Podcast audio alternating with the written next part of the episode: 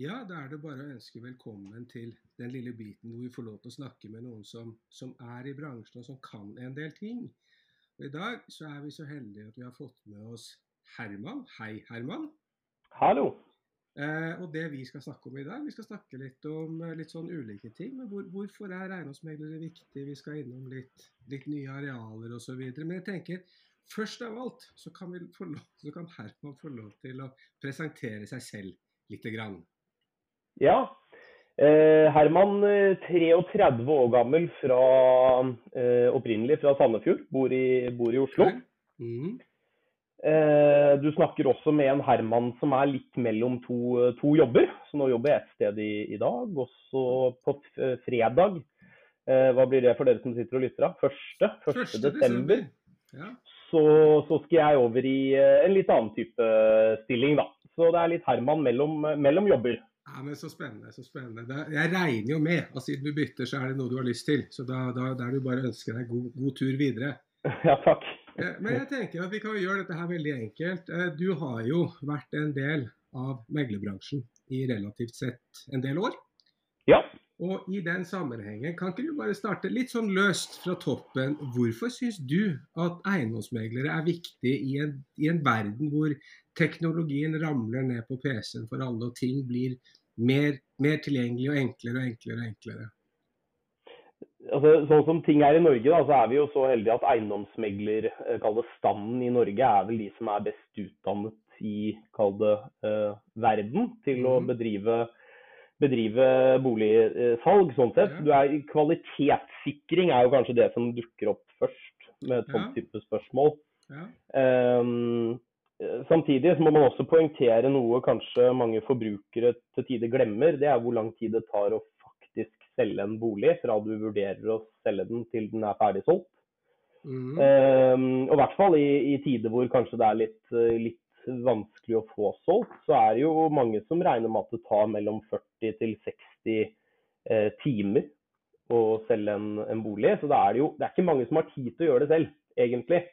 Nei, så, nei, men Det der er veldig interessant at du peker på det. Altså Tidsbruken i seg selv.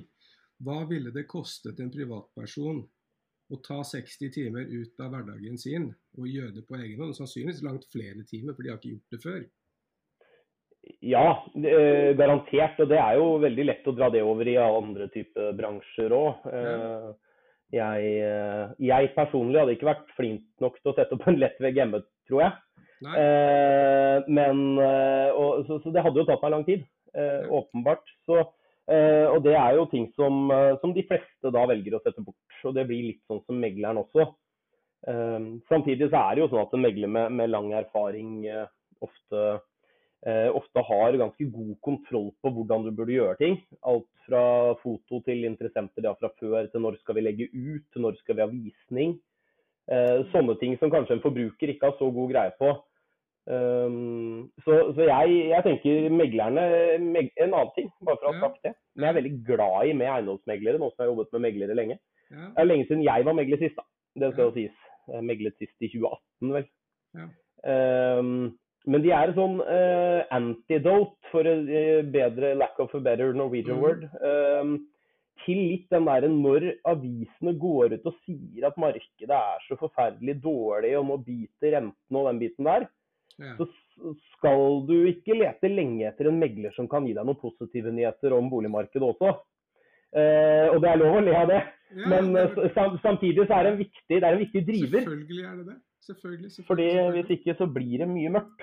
Eh, og jeg, jeg mener jo at det er en del av det meglerne gjør som er fantastisk. Og jeg har jobbet med eiendomsmeglere nå totalt fra jeg var megler selv, og i den jobben jeg har i dag, så har jeg jobbet mm. med meglere i åtte år, vel. Ja.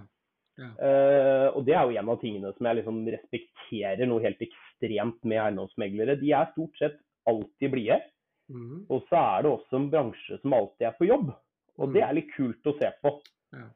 Hvis du har det i en situasjon hvor du er på noe som egentlig bare skal være moro og gøy, og, og en del ting som kanskje kunne vært eh, hvor man sitter på en middag, og egentlig hodet ditt burde vært et litt annet sted, så finnes det ikke en megler jeg Altså, de tar telefonen uansett, de. De er på. Alltid på jobb. Ja, og det er Ja, jeg syns det er moro, moro Ja, å se. er litt, litt sånn god gammel speider. For å følge opp det der, da. Hva- hva vil du si er Hva ville du sett etter hos en megler hvis du skulle finne deg en megler sjøl? Eh, nå har jeg jo solgt Jeg har solgt to boliger i mitt liv. Mm. Eh, og da har jeg valgt samme megler eh, begge gangene. Ja.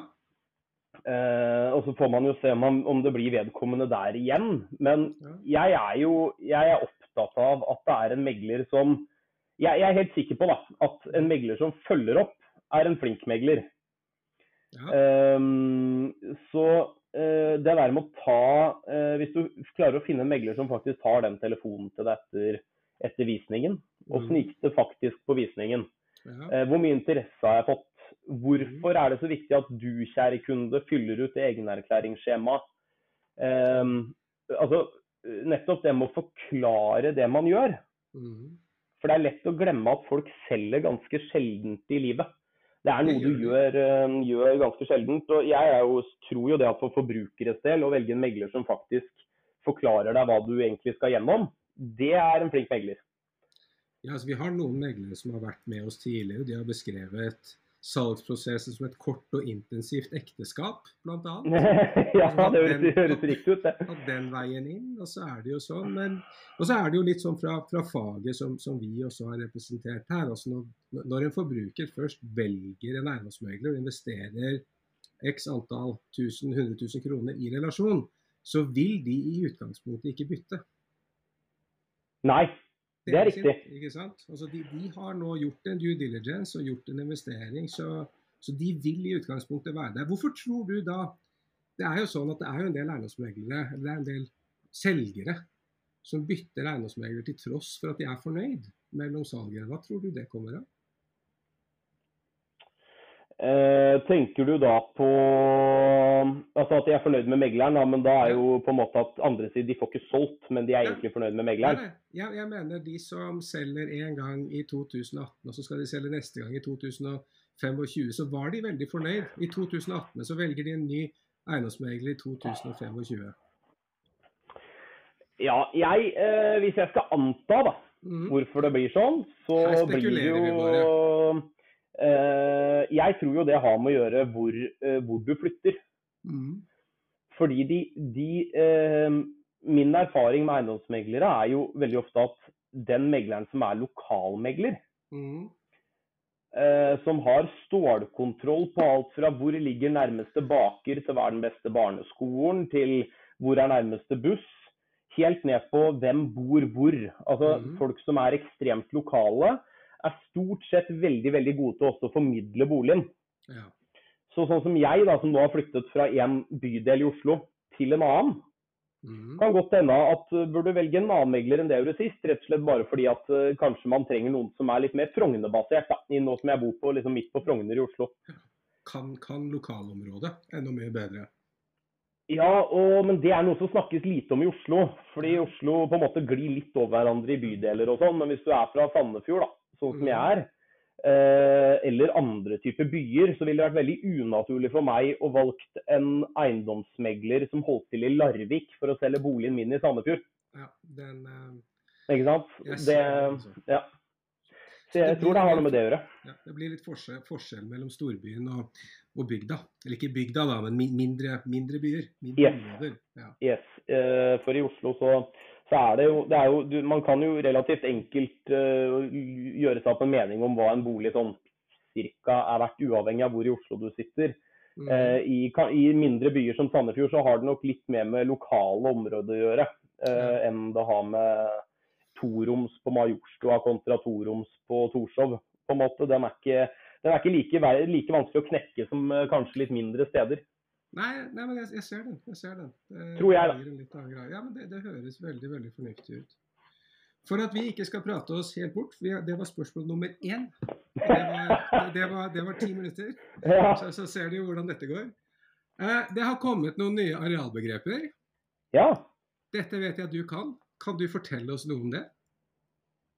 Ja, det kan jeg, det kan jeg gjøre. Eh, I dag så Så som ting er i dag, eller har vært i ganske mange år, så er jo det på en måte arealbegrepet for bruktboligsiden. Og nå tar jeg da vekk, når jeg sier det, så tar jeg vekk nybygg.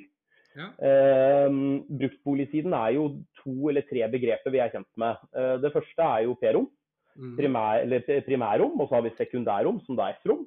Ja. Og de to totalt utgjør jo da BRA, bruksareal. S-rom pluss P-rom er BRA. Eh, og i, i Norge i dag, meg og deg, eh, eller Arvid og meg som sitter her og prater, og de fleste andre som kjøper og selger bolig, de baserer jo gjerne Når vi, når vi sier kvadratmeterpris, så snakker jo gjerne folk om P-rom. Ja. Og Grunnen til at vi snakker om P-rom når det gjelder kvadratmeterpris, er jo at P-rom altså er jo en god identifikator på hvilke rom du oppholder deg i i en bolig. ikke sant? De primære rommene. Ja. Eh, og så har man jo da kanskje trukket ut eh, kjellerboder og andre ting som du ikke benytter deg av. Mm. Og Det er gjerne det man eh, verdivurderer basert på i dag òg. Altså skal du, får du en verdivurdering av en megler, så er det P-rommet de setter verdien på. Ja. Ehm, men så er det jo, har det jo vært mye forvirring, da. Eh, har jo vært en del saker rundt dette her. Ja. ehm, som gjør at Forbrukertilsynet og Norges Eiendomsmeglingsforbund og Eiendom Norge og en del andre følte at de måtte ta tak i, ta tak i det. Mm. Ehm, så da har man jo ehm, gått over i en del nye begreper. Det enkleste å forholde seg til er det nye som kommer fra 1.1.24, er jo BRAI. Okay. Altså I for Idar eller Ida. Ja. Som da eh, sier noe om eh, Det er egentlig, for å forklare det på veldig, veldig enkel måte, er jo det egentlig BRA. Sånn som jeg forklarte det i stad. Det er, de, ja. er P-rom pluss S-rom blir BRAI. Ja. Og så skiller man ikke da på de rommene man bruker og ikke bruker eh, til opphold. Typisk stue, soverom osv. Nå er Mhm. alt i ett begrep. Eh, og det er jo på en måte to sider av den saken. Egentlig en ganske god måte å gjøre det på. Fordi at uh, hvis man er litt usikker på boligkjøp, eh, og man ikke har helt kontroll på ting, så er det veldig enkelt for en eiendomsmegler å si at uh, idet du går over dørstokken din nå, Mm. eller i, på denne visningsleiligheten, så er jo alt du ser, er jo også det du får. Ikke sant? Det er ikke noe, vi, nå splitter vi ikke ting i to. Så bruk, bruk det til akkurat det du har lyst til. Altså, du, Mm. du legger ikke noen føringer på hva som er hva. Nei. Um, og det er jo i og for seg fint og, og flott, det altså. Men problemet med det litt kan jo bli at man på sikt uh, Jeg spekulerer jo i at det er andre priser for S-rom og B-rom. Ja. Det er jo sånn vi holder på i dag. ikke sant? Hvis du plutselig slår det sammen, Ja, så øker jo størrelsen på boligen relativt sett. Mm. Og, og boligprisene da, alt annet likt, da. Hvis det før har vært lavt, og plutselig går de opp, og så skal du dele boligprissnittet på det, så Mm. vil jo da boligprisene gå nedover. Ikke sant? Mm. Fordi Ja, at fordi- størrelsen øker. Jeg kan ta med et litt sånn konkret eksempel. Så Hvis du da har en eh, tomannsbolig, f.eks. med Mm. et loft hvor det er La oss si at det er to meter under taket, men det er skråloft, og så skrår det veldig fort ned på sidene. Så vil Ja. du få en del areal der oppe som vanligvis er helt egentlig kanskje til og med litt sånn litt uinteressant. For det kan jo være at det ikke er trapp opp, det kan være en sånn vanlig hva heter det, sånn, eh, sånn, sånn loftstige eller noe Ja. som går opp. Men da vil jo du plutselig få det inn i kvadratmeteren. Nei, Det blir et annet begrep igjen. Det er noe som heter GUA. Det er jo da gulvareal. Uh, uh, altså de måler gulvet der de egentlig Mhm. ikke er. Uh, for Det er viktig å skille mellom det som heter oppholdsrom og rom for varig opphold. Ikke sant? For det du snakket om nå er rom for varig, altså noe som ikke ville, kvalifisert for rom for varig opphold. Eksempel, det er for lavt under taket. Da vil man jo da måle gulvarealet. Mhm. Eh, mens det jeg snakker om nå, er jo i den tomannsboligen du snakket om. da. Mm. Uh, det, vi kan, det vi vet, er jo at de, der det der kommer til å bli vanskelig, er boliger som er bygd mellom 1950 til 1980. Ja. I den tiden der så var det mye husbanklån og en del Ja. andre ting som ble gjort, sånn at det var lagt opp til at i første etasje på den boligen du fikk byggelån Mm. til, der skulle det i utgangspunktet være mulig for mutter'n eller fatter'n å flytte inn når de begynte å bli litt slitne. Ikke Ja. sant? ja. Problemet er at de fleste i Sånn gjør vi det jo ikke i dag. Nei, Sånn at det, den første etasjen i disse tomannsboligene og rekkehusene og eneboligene og sånn, den blir ikke brukt til så veldig mye. Nei. Det er gjerne altså boder. Ja, ja, ja. Men tidligere så har jo da bare P-rommet, det du har eh, på en måte eh, forsøkt å finne verdien på, er jo da gjerne bare den andre etasjen. For det er der kjøkkenet, soverommene, stua og sånn ligger. ikke sant? Ja. Men nå blir jo egentlig den boligen dobbelt så stor, bare fordi at du tar med det som tidligere har vært S-rom inn i hovedbegrepet BRA. ja, ja. Eh, og da er, det jo, eh, da er det jo litt sånn. Og så spekuleres de, da. Eh, noe man ikke klarer å bli helt enige om, eh, tror jeg, er jo Løper for, norske forbrukere rundt og regner på totalpriser, eller Mhm. løper de rundt og regner på meterpriser? Ikke sant? ja. Det er to vidt forskjellige ting. Jeg antar at veldig mange har kontroll på kvadratmeterpriser i et område. Det Mm. tror jeg. ja. Det tror jeg. Ehm, fordi at, La oss ta et veldig enkelt eksempel. Du, du skal på visning, og så Mm. har vi fått nye arealbegreper. ja. Og så var det, skal du på en bolig som har blitt solgt tidligere. Da var den eh, 90 kvadratmeter i P-rom. Mm. Så blir den solgt på nytt, og nå, får, den- nå er den 130 i BRA i ja. det nye begrepet. Ja. Hvis du, og så prises jo den på en eller annen måte ut i markedet. Mm. Men uansett hvordan du priser den da, så vil jo den ha en lavere snitt kvadratmeterpris enn det den ble i godt for forrige gang. Og så er jo da spørsmålet løper forbrukerne rundt og tenker at nå kommer jeg til å gjøre et kupp. For nå får jeg jo egentlig en større bolig enn det jeg har fått før. ikke sant? Eller eh, er fortsatt den beste nøkkelen å se på er jeg drar på visning og så ser jeg hvilke rom jeg faktisk kan oppholde meg i. Og eh, prøver å på en måte få litt ut av hodet at de 40 ekstra kvadratmeterne, det er faktisk kjellerboder. Det er Mm. ikke noe jeg er villig til å betale på en måte ekstra for. Og det er, det er jo det som på en måte potensielt kan bli litt skummelt her, da. Ikke sant? Det der blir spennende. Jeg tror jo noen kan tenke veldig tydelig at her gjør jeg et kjempekjøp. Ja. Rett og slett bare så Dette her, dette er bra. Dette er spennende. Det er jo, en- og det er jo på en måte det er jo en direkte, egentlig litt sånn direkte korrelasjon mellom, mellom det der og markedspriser og markedsverdier og sånt, sånn som du snakket om at vi skulle se på etter hvert. det, det, det er neste punktet. Eh, ja, det er, det er veldig bra. Fordi markedspriser og markedsverdier er jo to vidt forskjellige ting. Som gjerne veldig mange eh, kanskje, hvis man ikke har jobb, hatt så mye med eiendom å gjøre, kanskje man blander de begrepene litt.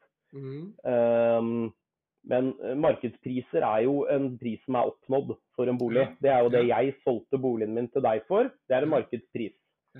Markedsverdi er jo en antatt verdi. Det er jo Mm. bare noe jeg ser for meg at boligen min skal bli solgt for. En forventning, rett og slett. Ja, ikke sant? Og basert på da masse Ja. parametere. Altså, Arvid, nå må du ikke sette meg i gang, for dette kan vi prate om i sikkert syv timer hvis du hadde vært interessert. Men La, oss ta de, Eh, de store linjene. De store linjene. vi, vi tar de store linjene. Ja, det er helt greit. For å, um, hvis du går tilbake i tid, når jeg begynte som megler i 2015-ish, Ja. så hvis du da hadde ringt meg og sagt at jeg vil ha en verdivurdering av boligen min, så hadde Ja. jeg kommet og tatt en, øh, det jeg kaller en gammel verdivurdering. ja. Hvor det var et A4-ark som Mm. var da adressert til deg, hvor det sto at uh, denne adressen tror jeg er verdt 9 millioner. Mm. Hilsen Herman Langtien i DNB Eiendom. Ikke sant? Ja. Ja. Uh, og det er jo fint og flott. Uh, mm. Problemet med det er at det er, det er jo ikke dokumentert. Ikke sant? Du dokumenterer jo ingenting. Det kan jo godt hende at jeg har gjort et arbeid for å på en måte forsøke å dokumentere i bakkant, men, men det var jo på en måte uh, Det var en verdi du fikk på et hvitt ark med en signatur på. ja. Um, og så har man jo da på en måte etter hvert begynt å forstå hvor mye mer faglig egentlig verdivurdering er. Mm. Um, og, i, og i dag, så hvis du ber en norsk eiendomsmegler om en verdivurdering, så ivaretar jo de masse faglige dokumentasjonskrav til å sette en verdi. Mm. Ja. Og den første åpenbare inni den er jo det som heter på en måte sammenligningsmetoden. Mm. Uh, i, egentlig veldig lett å forholde seg til. Hvis jeg spør deg, da, eh, er du villig til å kjøpe en liter appelsinjuice for 500 kroner, Arvid? Det hørtes i overkant dyrt ut. Det måtte vært noe jævlig spesielle appelsiner. Ja, ja, ja. Men, men, men, hvis jeg hadde, du, men du kan få en god flaske Montrachet av meg til 500. Da er vi med. Da er vi med. Da er vi med. Og det er jo det de fleste, både forbrukere og meglere og alle som egentlig driver med salg på en eller annen måte, om du selger bunad på Finn eller hva du holder på med, driver med hele tiden. Mm. Du, du har en eller annen tanke i hodet ditt om hva ting er verdt, ikke sant? Ja. Og det er jo sammenligningsmetodikken eh, som, eh, som sådan. Eh, man, man gjør det samme med eiendom. Man benytter seg av en metodikk og prøver å sammenligne eh, boliger for å da benytte de inn som en, som en referansesalg. ikke sant? Hva er det jeg kan dokumentere en verdi med? Mm. Og da er det jo sånn at uh, Dette er jo et litt sånn, uh, litt sånn faglig begrep, men uh, du setter jo markedsverdier da basert på markedspriser du observerer. Ja. Du, du må, det må være en solgt bolig som er relativt lik din, Ja. som kan gå inn da i den kalde ja. verdivurderingen. Eh, og så eh, er det jo da, så ikke jeg glemmer ting jeg har lyst til å si, så er det jo da viktig å poengtere at det er jo derfor veldig ofte lokalmeglere er veldig flinke. fordi at de, de klarer jo å vite hva som er solgt i sitt eget marked. De er ekstremt flinke på det. ikke sant? Så De observerer jo masse salg som de gjerne plukker med seg. Og de ser hvilke som er relevante. Helt riktig. Og det her? Ja. Ja, og det er jo det som er interessant med f.eks. Får jeg lov til å name-droppe folk her? Kjør på. Takk. Eh, hvis du ser på, bare ta en vilkårlig eh, hyttemegler, da. La oss ta Petter Birkrem i Privatmegleren. Selger jo. Ja. alt på Trysil. Fantastisk flink kar, ikke sant. Ja. Eh, hvis jeg hadde plutselig fått beskjed om gidder du å dra opp og verdivurdere en hytte på 270 kvadratmeter på Trysil, og om jeg da hadde sittet her i Oslo sentrum, så er jeg helt overbevist om at eh, Petter hadde truffet bedre enn meg Ja. som antatte verdien der. Fordi at Petter observerer ting som skjer i, med markedspriser i sitt eget område. Sitter real time. Det er ikke bare Du, du, du sitter rett og slett real time, ikke sant. Så, så det er på en måte den ene tingen vi, eh, vi kan ta for oss der. Mm. Og så er det jo eh, Du har jo da å, å finne disse segmentene, da. Som Mhm. er, eh, som er en viktig del av det. Og så er det jo da plukke ut de Altså finne disse segmentene er jo i og for seg veldig lett i Oslo. Da kommer vi litt tilbake til det vi var inne på i stad. Ja. Eh, Oslo er, I mange steder i Oslo er ekstremt homogent. Så Mhm. hvis du eier en leilighet i Tveita borettslag, Ja. så er det eh, 897 andeler som er tilnærmet like. ikke sant? Ja. Uh, og det selges ofte der, og det selges mye. Mm.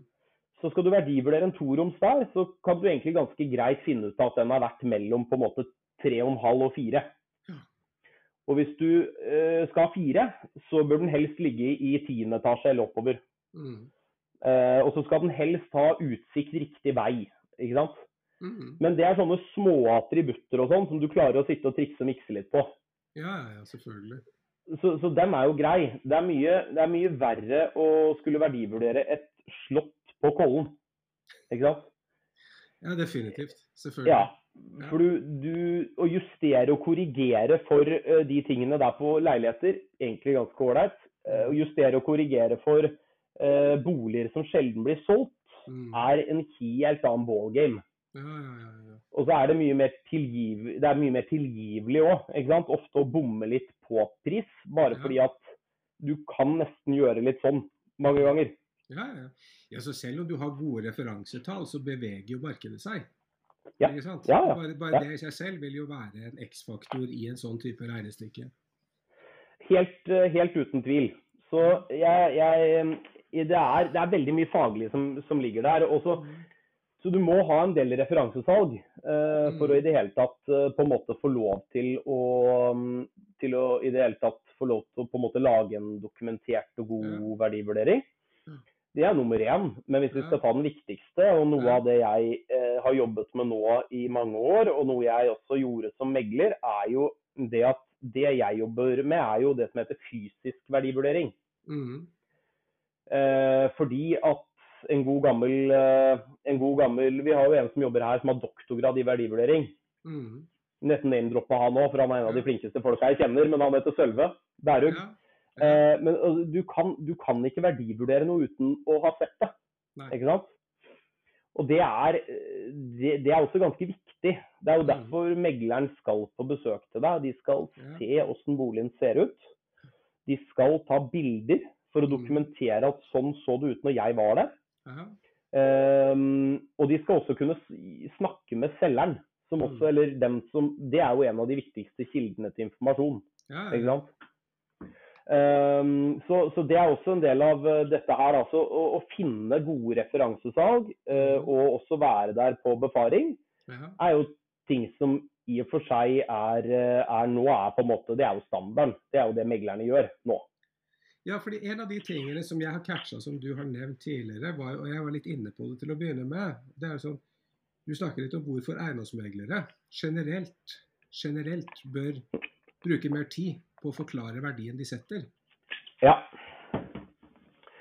Og det er, eh, det er på en måte en ganske vanskelig eh, eh, Og da kommer vi plutselig inn i en helt annen ballgame igjen i forhold Mhm. til eh, eiendomsmarkedet. Og det er jo selvfølgelig at eh, når du er ferdig på BI, når du er ferdig å studere, Ja, og du skal begynne å løpe ut, um, så er jo det eneste du er interessert i, er jo å få salg. Ikke sant? Mm. Det må være målet for å i det hele tatt tjene noe penger på å drive med dette her. ja, Og da er det jo kanskje mange fullmekter som ser for seg at den enkleste måten å prise en kunde på, er jo å gi en høy verdi. Ja. Ikke sant? Fordi vi, Første gang jeg møter Arvid som skal selge Mhm. boligen sin, og jeg er fjerdemann du har hentet inn på befaring, og jeg sier at eh, ja, hva har de andre gitt da? Og du sier nei, eh, den, det er noen som har vært på fem, og så er det en som har sagt fem-to. ja, Så er det jo ikke noe i veien for at jeg sier at jeg får fem-fem. ja, ikke sant? Og det, eh, og det er jo på en måte det, er, det er jo noe som gjør det. Ja. Og mm, problemet er jo at vi har jo noe som heter jungeltelegrafen. Ja, For det som ofte skjer da, er at du blir en bolig som blir liggende ute lenge. Hvis markeds, Mhm. den antatte markedsverdien du la den ut for ikke stemmer, Ja. så bit, er det jo ikke så mange som kanskje biter på. Og så blir boligen liggende. Og det du ender med da, er jo misfornøyde kunder i andre enden. Det er jo kanskje det farligste du kan ha. I hvert fall et salgsyrke som bilselger, eiendomsmegler og uansett hva du driver med. ikke sant? Om du skulle Ja, ja, ja. solgt kulepenner, har ikke noe å si det. Så lenge altså virker ikke tjenesten din, så er det det blir tøft i andre Ja. enden. Eh, Så det er jo anbefalingen eh, min, eh, og det gjelder for så vidt også mange andre typer salgsyrker, er jo hvorfor gjør du det du gjør? Vi kan følge opp den der. Jeg har, jeg har et lite sånn oppfølgingsspørsmål. Altså, det er jo det med at altså, hvordan eh, Hvordan vil du bruke Hvordan kan du være eiendomsmegler og komme inn og være god på prising og forklare ting? Hvordan bruker du dette til å vinne oppdrag da, som eiendomsmegler? Ehm, jo, dette er jo ting jeg har Dette er jo egenopplevd før jeg var megler selv. Ja. Eh, jeg har jo en, uh, Etternavnet mitt tilsier jo at jeg har en, jeg har en, eh, har en onkel som er eh, megler, blant annet. Ja. Som heter Anders. Og Anders var veldig opptatt i starten når jeg skulle bli megler. Eh, han lærte meg de to tingene som jeg tror er viktigst for meg når jeg var megler, også når jeg var ferdig. For det gjelder alt av salg. Ja. Hvis du skal få til eh, hvis du skal få signert et eiendomsmeglingsoppdrag, så trenger du egentlig bare to ting. Mm. Kunden må like deg, og kunden må stole på deg. Det er Ja. de to tingene du må klare å etablere ja. i løpet av da, en time hos kunden. For det er jo det Mm. meglerne får. Får ikke så mye mer enn det. Nei. Så du må gjøre et sinnssykt inntrykk på en time, da. Mhm. Ehm, og så er det jo det med at, at kunden skal like deg. Uh, det på en måte har jeg i hvert fall aldri klart å lære noen. Hvordan du blir likeable. Det er ikke så veldig enkelt. Det er vel noen personlighetstester man kan ta for å finne ut hvem man er, eller noe sånt. Men uh, Ja, det er vel ikke så mye sikkert. mer enn det. Nei. Nei. Men, men uh, å få kunder til å stole på deg, det er en veldig fine line mellom å være ærlig, men samtidig kunne, eh, kunne på en måte bevise en del av påstandene sine på stedet. Ja. Eh, og da kommer vi jo til eh, dette her med eh, vi, Nå er jo ikke jeg megler mer, så jeg kan jo si det. Eh, de aller fleste boligselgere i Norge, fordi at det er sparegrisen deres, Ja. eh, lider jo av det som heter eh, De har jo et Taj Mahal-problem. Veldig, Mm. veldig, veldig mange, ikke sant? Min bolig er den fineste i hele verden, uansett hva du sier til meg. Mm. Uh, det- Derav Taj Mahal. Det er, det er liksom det fineste byggverket Ja, i verden. Og, Ja. og så skal du jo da komme inn uh, og prøve da å forklare hvorfor jeg som megler mener boligen er verdt fem millioner. ikke sant? Ja. Fordi kunden sitter der kanskje og tenker at kunden har observert de også. De har observert markedspriser i sitt eget område, de. Men kunder ser gjerne veldig fort forbi eh, standarden på sin egen bolig i forhold til andre. Ja, Så- det vil de jo gjøre, for det blir en opplevd kvalitet, ikke sant? Blir det. Åpenbart. Ja, og det er, det er det er der jeg mener at du må på en måte som megler ofte kanskje prøve så godt du kan å backe litt opp med, eh, med på en måte visualisere Ja. forskjellen på hva egentlig en boligkjøper er på utkikk etter. Mm. Eh, Og den enkleste måten å gjøre det på er jo ved grafikk, altså ved bilder, ikke sant? Ja. ja. Um, du, du setter deg ned, du har kanskje med en iPad, du har planlagt befaringen. Um, og så kan vi jo, når du først er innpå det, så kan vi jo ta med en annen morsom greie, og det er jo Får man eh, krone for krone for ting man har puttet inn i en bolig? For det tror jo veldig mange, ikke sant? Ja, ja, Og så er, det, så er det litt sånn Ja, det gjør du nok kanskje hvis du har vært flink. Hvis du har, måte, hvis du har gjort det på en måte som appellerer til mange, så Mm. kan det hende du gjør det. Ja, Men hvis jeg hadde pusset opp boligen min med lilla høyglandskjøkken, ja, ja. ja. så kan jeg jo nesten garantere deg at majoriteten av de på den visninga kommer til å tenke Hvor mye kosta det for fronter på Ikea igjen? ja ikke sant? Fordi de her skal bli hvite på ganske kort tid. Um, så er det jo på en måte å forklare det at eh, kjære kunde, nå er det faktisk eh, sånn at eh, den boligen du sitter og sammenligner deg med, Mm. de hadde pusset opp for et halvt år siden. Ja. Og De hadde et relativt nytt bad i tillegg til den overflateoppussingen. Og det er mange Mm. opptatt av. ikke sant? Ja. At jeg ønsker ikke å gjøre noe med badet mitt. Det er helst ikke. I tillegg hadde de papirer på dette her, så den var veldig grei. Mm. Eh, og så har de gjort en del ting som, eh, som mange ikke kanskje tenker at er så viktig. Men det de gjorde, var jo å ta ned alt og gi hele kåken et nytt malingsstrøk. Mm. Ikke sant? For som interessent på visning da, så tenker, kommer man jo inn så tenker man å, her var det fresht. Ja. Det har kostet gjerne den selgeren da kanskje en helg å få ordna Mm. det der og få det på plass, ikke sant. Ja, ikke sant. Eh, og så er det jo litt det der med uh, styling i Norge er jo et produkt som funker ekstremt godt. Og det er jo bare fordi at folk kjøper jo med hjertet, Hjerte. ikke sant. Det var en undersøkelse på det der for en del år siden hvor det viste seg at i snitt så brukte vi ca. 45 sekunder å bestemme oss for boligen vi skulle kjøpe. Yes. Og da må Du- du appellere. Ja, og du går inn og du ser et soverom og tenker å her skal jeg flytte inn. Og her skal jeg Mm. på et eller annet tidspunkt kanskje få et barn og passe Mm. ikke sant? Så folk gjør sånne avgjørelser, med mindre du er eh, Jeg vet ikke om du har sett eh, programmet til Christian Mikkelsen som er fantastisk morsomt, den visningsserien på NRK. Når han er sånn eh, Når han Han er en sånn veldig teknisk pappa som er med på visning. Ja. Han har aldri kjøpt med hjertet. Altså, han er en av de gutta som åpner sikringsskapet før han åpner prospektet. Liksom. Det er klart det er en litt annen eh, verden, men majoriteten antar jeg at kjøper fordi at de får en følelse. Mm. Og den følelsen er ganske lett å skape egentlig. Mm. Eh, men så tror jeg mange kanskje ikke hadde noe særlig forventning, i hvert fall i et veldig godt boligmarked. Hvis alt Mhm. flyr unna, så forventer man at man ikke kanskje trenger å gjøre så veldig mye. Fordi at du ser for deg at dette går jo bare uansett. Jeg Um, lærte, mm, ja, jeg bare lærte en gang eh, sånn generelt at det er når ting er lett du virkelig skal gi gass. det er helt riktig. Og det er jo da du har muligheten til å oppnå de sinnssyke prisene, og ikke bare de gode. ikke sant? Ja. Men eh, nei, så det, så det er um, det, er, eh, det der er interessant, altså. Og, og det å på en måte visualisere eh, hvorfor tror jeg dette her, Mm. Mm.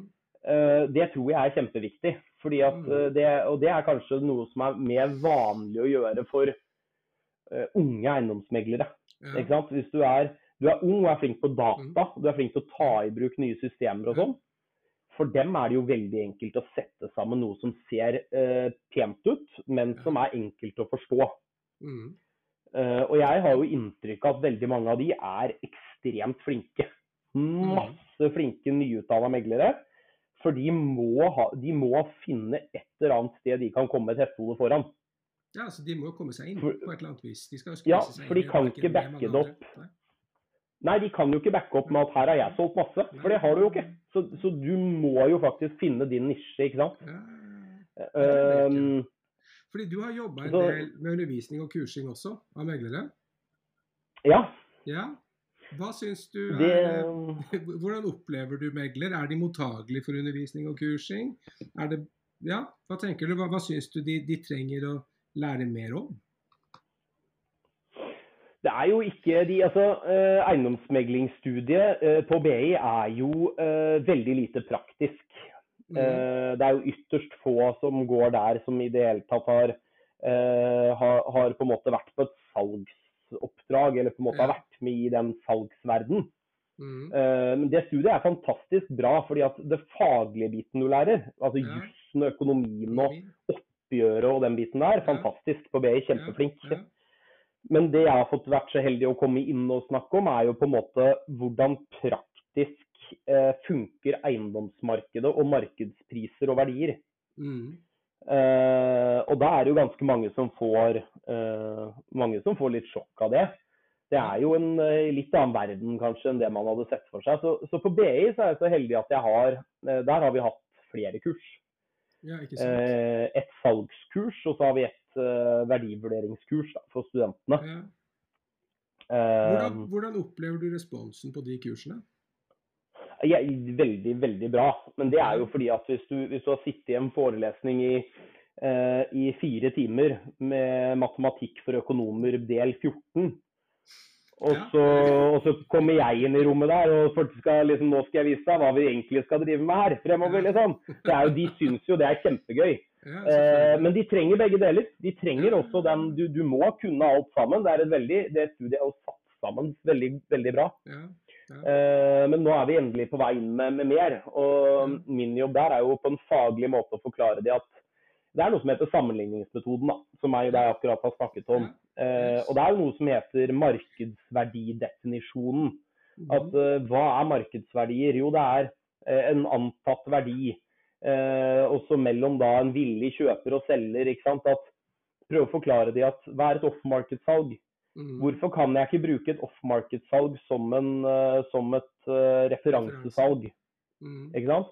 Jo, fordi at det er ikke, det er, det er ikke en, eh, en marked... Det, altså det følger ikke markedsverdidefinisjonen sånn som den er. Det må være et salg som er uh, solgt med ordentlig markedsføring. ikke sant? Ja, ikke sant? skal teste etterspørselen. Er den reell, Helt riktig. eller var det noen som bare skulle ha? Ja. Og så, er jo problemet Det er jo greit å si ifra om, For det er veldig komplekst eh, det systemet der. Men vi kan jo gjøre det veldig enkelt. Mhm. I Norge så er vi ekstremt heldige, fordi at vi har en del offentlige eiendomsdata i Norge som er lett tilgjengelig for alle. Ja. Eh, og den ene av de er jo tinglysning. Mhm. Tinglysning er jo helt, eh, helt fantastisk greie med at du får vern overfor andre. Så ingen som kan komme og banke på og si at du, jeg eier boligen din, du gjør ikke det. Det, det er jo sånn historisk sett, det opplevde vi masse i vikingtiden. ikke sant? Det var derfor de begynte med tinglysning. Ja, men det er faktisk sant. Ja, det er sant. Eh, fordi, fordi at På tinget så satt jo da høvdingen og sa at Ja. ja, nå har vi tinglyser vi det. At Jardar han bor nede ved bekken der. Og så har du broren til Jardan, han, han het Vardar. Og han, han, han sto, sto der, han òg. Da bekreftet to stykker at han bodde ved elva. ikke sant? Og før det var det jo veldig primitiv, veldig, veldig primitiv form for eh, Det var jo ikke noe tinglysning før det. Da var det jo bare gammel odelsrett. At hvis du fikk en sønn, så var det han som overtok gården. Ferdig med det. Ja. Ferdig med det. Men i dag så har vi jo faktisk to forskjellige hovedregistre som er offentlige. Vi har matrikkel og vi har grunnbok. Mm. Ja. Og matrikkel er jo eh, eh, egentlig bare en unik identifikator av eiendommen din, fordi adresser er ikke unike. Det, det finnes flere like adresser i Norge, ikke sant. Torsvei finnes i Sandefjord og i Drammen, Ja, på en måte. ja, ja, selvfølgelig. Eh, men ikke bare er det en unik, eh, for den består da av kommunenummer, gårdsnummer, bruksnummer, seksjonsnummer osv. Mm. Ikke bare er den unik sånn, men den inneholder også egenskapene til boligen din. Ja, Og Det er jo også ting jeg viser studentene. da, at eh. Hvis du lurer på hvor stor tomten til en bolig er, mm. så står det i matrikkelen. Ja. Eh, og hvis du lurer på hvor boligen ligger, med teigenivå ned på kartnivå, Mhm. liksom, matrikkel. Ja. Hvis du lurer på hva du kan gjøre og ikke gjøre med en eiendom, så finner du det gjerne i uh, grunnboken og vedtektene kombinert. da. Mm. Men det er jo, eh, det er jo, det er jo en grunn til man, Det man egentlig priser når man setter verdier, er jo rettigheter og begrensninger. ikke sant? Mm. Man oppnår i snitt i Norge lavere priser på borettslagsleiligheter i forhold til selveierleiligheter. Og grunnen til det er jo veldig enkel. Du kan jo ikke En selveiebolig kan du jo ikke Nei, en borettslagsbolig. Du kan ikke selge den til hvem du vil. Nei. For mest sannsynlig er det forkjøpsrett. Mm. Eh, og du kan ikke leie den ut uten å oppfylle en del krav. Eh, du kan ikke selge den til et AS. Det har du ikke lov til. Så eh, automatisk der så er det en del begrensninger rundt borettslagseierformen. Mm. Men selveier, der kan du jo stort sett gjøre akkurat hva du vil til enhver tid.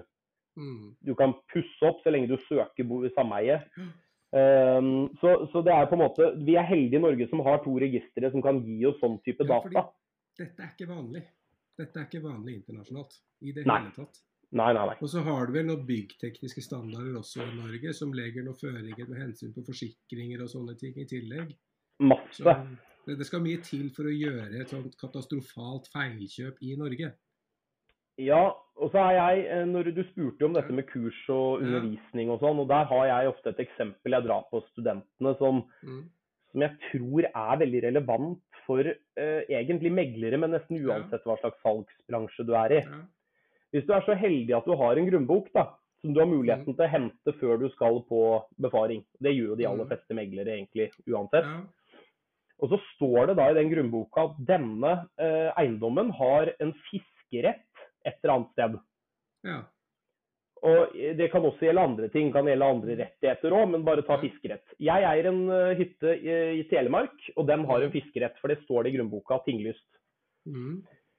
Hvis du er flink megler da, ja. så sørger du i hvert fall for når du møter den kunden første gang, å spørre Du, kjære kunde, jeg, jeg syns dette er så kult. Kan du vise meg hvor du har den fiskeretten? ja. Gjør det før kunden må si til deg at de har fiskerett.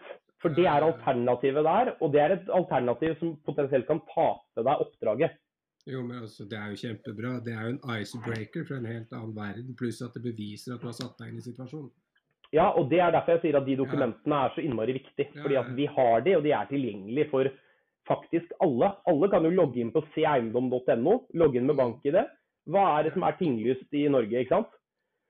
Uh, og jeg, jeg er jo sånn som at ikke det blir utnyttet på en helt annen måte. Det gjelder ikke bare positive ting som fiskerett. Ikke sant? Kan jo gjelde uh, et eksempel som er vanskelig å forholde seg til for meglere, er jo tinglyste boretter. Ja. Jeg heter Herman, og jeg har tinglyst at moren min kan bo på denne boligen uh, så lenge hun vil, uten å betale noe for det. ja. Den er jo skummel den dagen en eiendomsmegler eh, skal dit og må fortelle kunden at sånn, med, den tinglyste rettigheten der, så er ikke egentlig boligen din verdt mer enn så mye, som er null. Mm. Med mindre du sletter den, og da forstår jeg at det blir tøft å kaste ut mutter'n, eh, men eh, sånn er det bare. Ja. Og det er, der, der går folk på smeller. Ikke sant? det- det er akkurat det eksempelet der, det hørte jeg om senest for et par-tre uker siden. Da var det to sånne. Det ene var at moren hadde rett til å bo i underetasjen så Ja. lenge hun ville, og så hadde alle søsknene eh, rett på ved i skogen til evig tid. Dette Ja. var et sånt, Det var ikke småbruk, men det var sånn distriktseiendom. Så det var liksom de to var hekta på, og dette var et område som det ikke var så lett å selge i utgangspunktet, kan vi vel si. Så de valgte bare å kaste kortene og si at den her, den blir bare liggende. Det, det Ja. gjør vi ikke noe med. Helt, eh, helt riktig. og Det er jo, ikke sant, det, gjelder, jo, det gjelder jo mange andre typer ting også. det, ikke sant? Du har jo i Norge eh, noe som jeg så at det var noen som skrev overskrifter om det nå nylig, men at man er redd for at det skal bli mye utleggsforretninger fremover, og flere Mm. tvangssalg. ikke sant? For folk får kanskje ikke gjort opp for seg. Det er jo også ting som, det er jo en begrensning ved eiendommen. Det at en bank Mm. har anledning til å faktisk tinglyse et utleggsforretning og si det at eh, vi har Eh, Vi har ikke førsteprioritet, men idet du har solgt boligen og betalt gjelden din til Gjensidige, Mm. så er det vi i eh, Esso-kort AS Mm. som skal ha pengene våre nummer to. Ja. Eh, og Det er også en grunnboksting i Norge som er viktig å, å, å huske på. Da, fordi at Overbeheftede boliger er jo ting som meglere må forholde seg til. Mm. Uh, og Nå snakker jeg ikke om at det går så langt som til tvangssalg, men, men, bare at folk liksom har en, vet at en, en megler må undersøke helt ekstremt mye og ha god kontroll på det også. Hvis ikke så funker, funker det dårlig. Ja. Så um, Nei da, det er veldig gøy å undervise. Og det er veldig gøy å få lov til å fortelle folk uh, hvor, uh, hvor, gode systemer vi har i eller Skandinavia, og Nor men Norge spesifikt, egentlig. Ja. Det her, Jeg skjønner hva du sa når vi sier at vi kan prate i, i, i ganske mange timer uten problemer. Vi snakka i 45 minutter i ett bankende kjør. Vi har ingen episoder som er over 27 til vanlig, så dette blir et herlig unntak.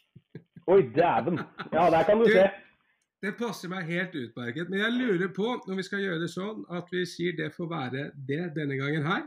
Og som vi kanskje kan være så heldige at vi heller kan få det tilbake en gang til. Veldig, det hadde vært veldig hyggelig. Ja. Det er jeg med på. Også, da har jeg jo kanskje en litt annen, eh, litt annen ja, ja. side av saken. Nå, jo, eh, nå, skal jeg over i bankverden, og kan vi jo heller snakke om verdier oh. i bankene, da, vet du. Jo, men det er det som er så fint. Altså, som jeg sier, Vi har lagd denne podkasten her som en sånn Det er en greie for å kunne prøve å samstille litt ekstra kunnskap fra folk som kan litt mer enn de andre. Og så er det Det skal være en sånn gladgreie, en sånn feelgood-greie. Og det tror jeg vi treffer på stort sett hver gang.